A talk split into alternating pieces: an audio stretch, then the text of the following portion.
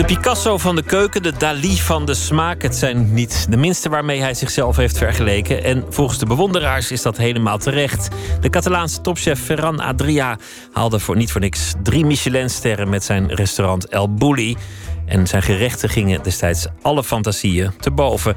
Nu probeert hij iets anders eh, te bereiken en dat gaat misschien nog wel veel verder. Een reportage van Eliane Meijer. Als je ging eten daar zo, ja, 40 gerechten of zo. En op 40? Ja, maar allemaal hapjes. Hoe dus lang heb je daar gezeten? Nou, van smiddag zes tot s'nachts, uh, ik denk dat, dat uh, een van tafel rolde of zo. Maar op een gegeven moment een time-out aangevraagd. Ik zeg, ik zeg eh, mijn hoofd doet even niet meer mee. Ik ben het kwijt. Ik, ik, ik moet even... Nou, dat, dat kon ook daar zo. Dat vond ik helemaal niet erg. Dan ging je gewoon een, beetje een stukje wandelen en dan... Uh, even een biertje doen tussendoor, tussen al die wijnen. En dan even, even, even je hoofd los even aan de zee lopen. En dan, en dan weer. Uh, en dan ging, het, dan ging het gevecht weer. Je had echt pauze nodig. Ik, mijn, mijn kopje kon er niet meer tegen. Ik was de weg kwijt.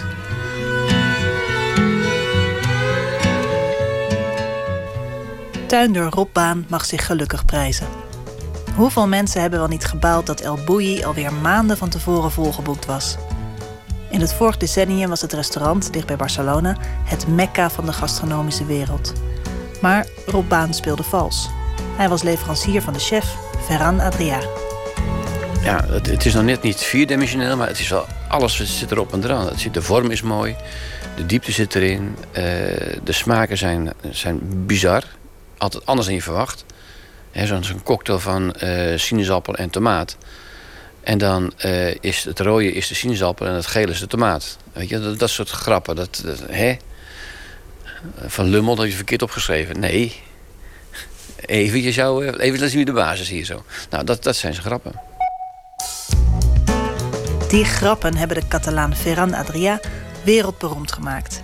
Hij haalde gerechten uit elkaar en zette ze op je bord weer in elkaar, maar dan anders.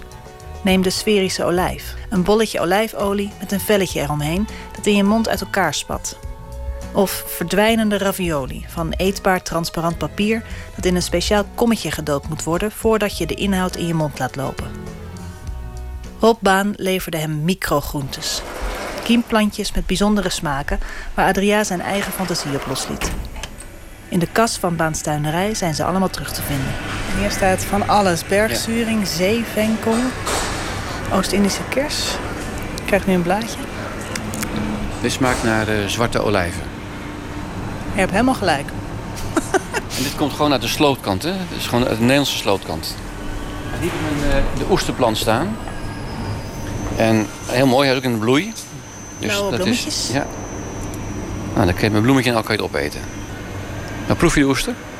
In de verte. Ik had een nieuw product, die oesterblaadjes. En, en niemand kende dat, want het was echt gewoon al, al 50, 60 jaar niet meer bekend dat het ding naar oesters maakt. Dus ik, uh, op die beurs waren meer mensen geweest die eigenlijk dat allemaal niet zo, zo zagen. Maar Varan komt die beurs op verzeild met, met cameraploegen en mensen en zijn assistenten. En die zegt uh, van, uh, heb je nog wat nieuws? Ik zeg, nou, dat heb ik altijd wel. Dus ik duik onder mijn toonbank en ik geef hem zo'n blaadje. En ik zie hem echt helemaal verstarren van... Wauw, wat kan ik hiermee doen? Je geeft hem iets, je, ziet, je bent hem alweer kwijt. Je geeft hem iets in zijn mond en dan, hij kijkt je aan, maar hij, hij ziet je niet meer. Hij is al helemaal een paar honderd kilometer verderop andere dingen aan het doen.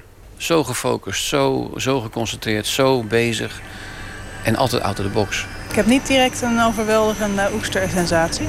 Maar hij is wel fris. Hij, maar je, mist het, je mist het zouten. Hij is, precies. Hij is niet ziltig, maar hij is wel... Ja. Nou, dat romige zit er wel in. En uh, met name als je dat, dan een beetje dat zout erbij hebt en dat druppeltje zo, dan, uh, dan is, komt hij helemaal binnen. Dat, uh, ja. En toen zei hij dus, ja, maar als jij ehm, een oester proeft, dan hoort er een heel klein beetje shallot ehm, bij en een beetje azijn. En toen ging hij met zijn textuur, zijn techniek, dat was dus ingewikkeld. Azijn, dat, dat lost natuurlijk alles op. Een, een pareltje maken met de smaak van shallot en azijn. En dat pareltje plakte hij op dat oesterblaadje. Toen heeft hij nog een, een, een bordje gemaakt waar het blad precies in paste. En ja, dat was dus zijn uh, vegetarische oester voor een jaar. En daar was hij ook weer helemaal beroemd mee. En, ja, en, en dan de grap is dan, het is gewoon een plant uit de natuur. De eigen wereld waarin Ferran Adria zich zo in kan verliezen, is inmiddels uitgegroeid tot een enorm onderzoek naar de geschiedenis van eten, koken en smaak. De aantekeningen, schema's, foto's, speciaal ontworpen servies en keukengerei uit de tijd van El Bouilly vormen daarvoor de fundering. En een deel van dat werk is nu te zien in Marres, Huis voor Hedendaagse Cultuur in Maastricht. Dit is eigenlijk de kern en het begin van de tentoonstelling. Want dit zijn allemaal borden die hij tekent. Uh, het, het, ze heten borddiagrammen. En uh, om te begrijpen waar dit over gaat... hij tekende voordat hij een gerecht maakte. En toen ik hem daarover geïnterviewd heb, toen heeft hij gezegd... je kunt natuurlijk niet alle gerechten proberen. Maar als ik ze teken met mijn ervaring en smaakervaring... proef ik precies wat er is als ik dit teken. Dus ik proef wat er op al die borden ligt... en denk, dit is een goede combinatie en dit niet. Directeur Valentijn Bijvank ging zo'n twaalf keer op bezoek... bij het El Bouilly Lab in Barcelona. Aanvankelijk is het natuurlijk begonnen omdat hij... één, heel vroeg in zijn carrière uh, een kok hoorde zeggen... Uh, creëren is niet kopiëren. Waarmee hij dacht, ik kan als kok eigenlijk steeds mezelf vernieuwen. En vervolgens na acht of negen jaar praktijk in zijn restaurant dacht... hoe kan ik die vernieuwing blijven vinden? Hoe zorg ik dat dat niet uitrolt? En, en dus een noodzaak had om creativiteit te onderzoeken. Ik geloof dat hij letterlijk gezegd heeft... nou, ik heb nog maar een x-aantal recepten. We moeten eigenlijk stoppen en weer helemaal gaan nadenken over wat zijn we aan het doen. Ik, ik, ik hou hiervan. Ik hou ervan dat mensen tot extreme doorgaan. We waren een keer in zijn uh, laboratorium in, uh, in Barcelona, vlakbij de, de markt daar zo. En uh, toen waren ze twee chefs die waren bezig met ehm, schaap- of lamshersenen. En niet één lamshersen, ik denk dat 30 lagen. En de een ging vijf minuten in het water, vijf en een half, stopwatch erbij, zes, zes en een half, zeven. En dan gingen ze keuren. En, op een gegeven moment hadden ze, nou, dat is de beste. En dan kwam de baas er even bij geroepen. En die gingen even proeven. En dat was dan oké. Of niet oké, of heel in verhaal erbij. En dan met name van, heb je het opgeschreven? Heb je het helemaal vastgelegd? Weet je wat het is? Zijn er foto's gemaakt? Enzovoort. Nou, en dan had hij een heel batterij van, van, van, van kruiden en smaken staan. Met mijn spullen erbij. En dan gingen ze combineren. Limon, yoghurt en gin. En de sferische olijven. Het is uit 2008. Ja. En hier marshmallow de parmigiano. Zo, dat, is, dat is typische voor hem, dat je dus van parmezaanse kaas een marshmallow maakt. Ja, dat is natuurlijk heel... Zo, zoals hij op een gegeven moment vertelde dat hij de, de machine die voor, het, voor de fijne vleeswaren gebruikt werd, gebruikte om een ananas te snijden. En dat je daar een heel speciaal resultaat van krijgt, omdat die ananas, als die zo dun is, dan is die smaak is heel pregnant, maar je hebt dus eigenlijk heel weinig voedsel. Dat is dus een typisch voorbeeld van een nieuwe techniek gebruiken om tot een nieuwe smaaksensatie te komen. Heel veelzeggend is dat in het interview dat ik heb afgenomen van hem, dat hij spreekt over de muziek. Dat hij zegt: kijk nou eens naar de muziek. Dat kun je tot op het allerhoogste niveau op de universiteit kun je dat studeren. En dat zijn allemaal genres en stijlen en tradities enzovoort. Waar kun je dat nou voor de keuken doen? Voor het, voor het koken, voor de smaak? Maar hij zegt dan ook wel ergens... Ik, ik, het is niet dat ik dit graag wil doen... maar iemand anders doet het niet. Of sterker nog, we kunnen het niet aan andere mensen overlaten... want die hebben niet die sensitiviteit en de, en de gave die ik heb. Is hij in die zin ook um, wel overtuigd van dat hij de aangewezen persoon is om dit te doen? Het is heel dubbel, want uh, in hetzelfde interview zegt hij ook van ja. Ja, we zitten hier maar over eten te praten. Het is echt ontzettend pretentieus, is het ook eigenlijk. Maar ja, dat komt. Mensen begrijpen niet dat het mijn alfabet is. Dit is voor mij de manier waarop ik naar de wereld kijk. En en uh, hij vindt het pretentieus. Het is een gewone jongen uit Barcelona... die eigenlijk altijd voetballer heeft willen worden. En, nou ja, en, en, en via het leger in, in het koken beland is. Um, en gaandeweg gezien heeft... ik heb eigenlijk geen manier om datgene wat ik in de keuken heb gedaan... uit te drukken, behalve door te koken. Maar ja, daar maakt ook iedereen er van alles van.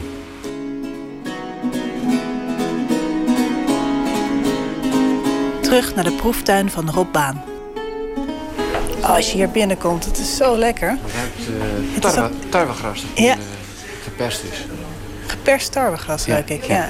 Dat is nog vroeger allemaal vol met texturas van uh, Ferran. Die heb ik nog vertegenwoordigd voor een tijdje. En wat waren de texturas precies? Texturas waren allemaal uh, technieken die hij bedacht had... uit de industrie vandaan...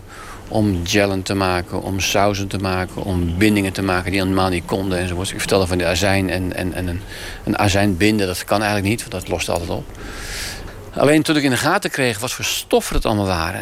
En ik ben niet zo voor al die E-nummers en al die kunstmatige dingen. Ik zei, ja, ik zei, maar dat gaan we dus niet doen. Dus het wordt wel verkocht nog steeds in Nederland. Het is denk ik nog steeds een groot product. Maar dat past hier niet. Wij zijn van de natuurlijke stoffen.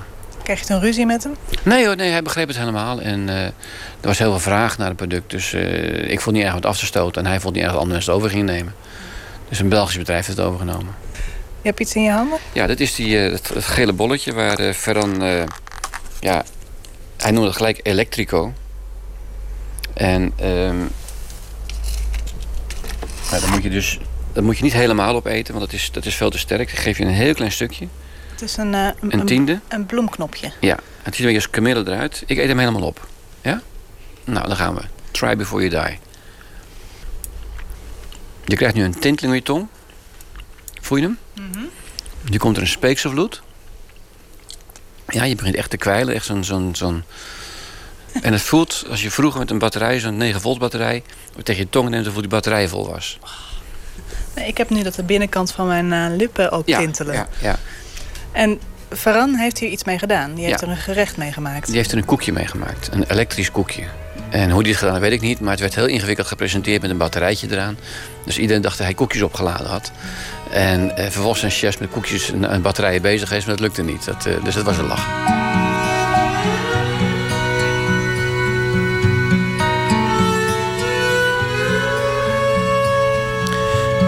Tuinde Rob, baan van de firma Koppert Kres over de wereld van topchef Ferran Adria en Valentijn Bivank van Marres. Huis voor hedendaagse cultuur te Maastricht. Vanmorgen is, uh, vanaf morgen is een tentoonstelling te zien. Ferran Adria Notes on Creativity.